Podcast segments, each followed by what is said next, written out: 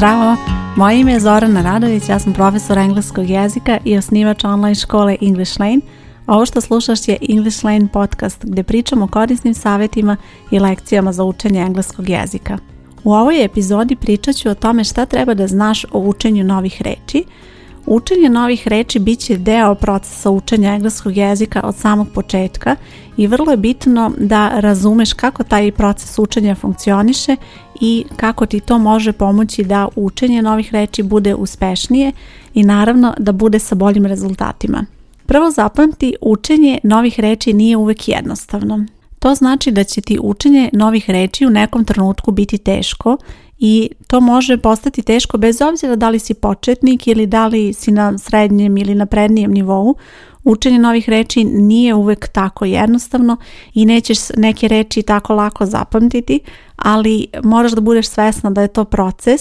u posebnoj epizodi English Line podcasta sam pričala o tri faze učenja novih reči, kako funkcioniše učenje od samog početka kada vidiš neku reč i do trenutka kada tu reč možeš da potrebiš u konverzaciji, pa ću ostaviti link ka toj epizodi da možeš detaljno da preslušaš o tome. Druga stvar koju je bitno da zapamtiš je da broj novih reči treba da bude ograničen. To znači da to što imaš ispred sebe, ne znam, neki spisak od 10, 20 pa i 50 reči, ne znači da treba da sedneš i danas da to sve naučiš. Također, čak i ako imaš vremena i volje da to zaista uradiš, da sedneš i da naučiš tih 50 reči, da za svaku reč pogledaš šta znači, da za svaku reč zapišeš izgovor, da provežbaš izgovor, da izgovoriš svaku reč,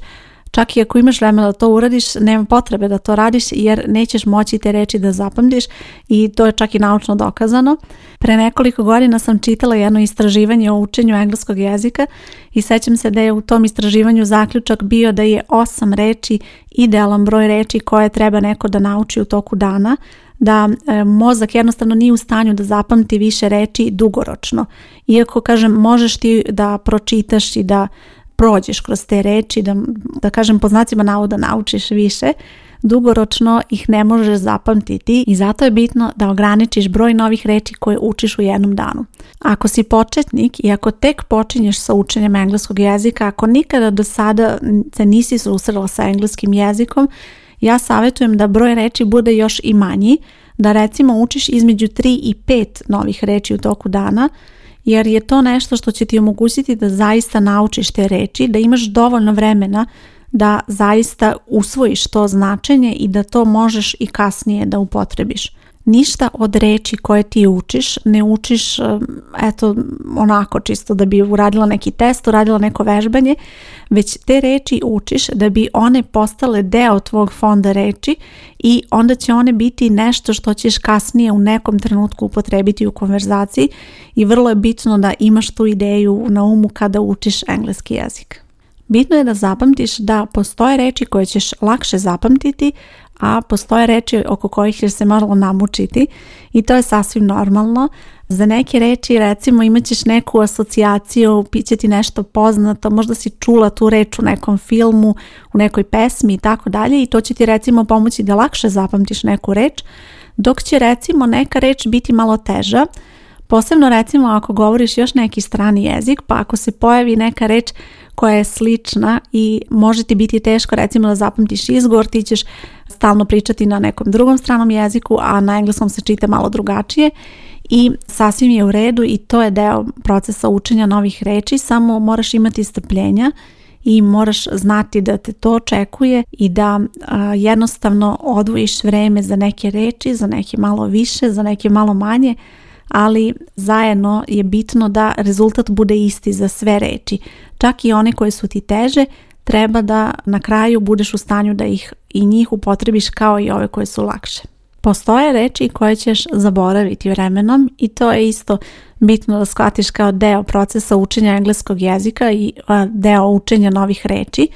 Posebno će se to desiti sa rečima koje ne koristiš toliko često, zato je bitno da se trudiš da koristiš engleski jezik, da si stalno u kontaktu sa engleskim jezikom da bi na taj način imala što više novih reči oko sebe i da onda ne dođeš u tu situaciju da zaboravljaš neke reči. To također znači da je neophodno da obnavljaš o, neophodno je da se vraćaš na neke reči koje si već učila i neke će ti biti poznate, neke ćeš onako mnogo bolje zapamtiti i nećeš ih zaboraviti vremenom, a neke hoćeš i zato je bitno da s vremena na vreme obnoviš sve ono što si učila do sada i vratiš se na te reči koje si možda u nekom trenutku zaboravila ili jednostavno nisi sada dovoljno sigurna kako se čitaju, da li je taj glas ili neki drugi glas ili kako recimo da ih upotrebiš u rečenici. Na kraju, još jedna veoma bitna stvar kada je u pitanju učenje novih reči je to da učenje novih reči treba da bude redovno bez obzira na kom si trenutno nivou znanja. Kada počneš sa učenjem engleskog jezika, tu ćeš naravno učiti mnogo više reči, pogotovo onih koji su neophodni za osnovnu komunikaciju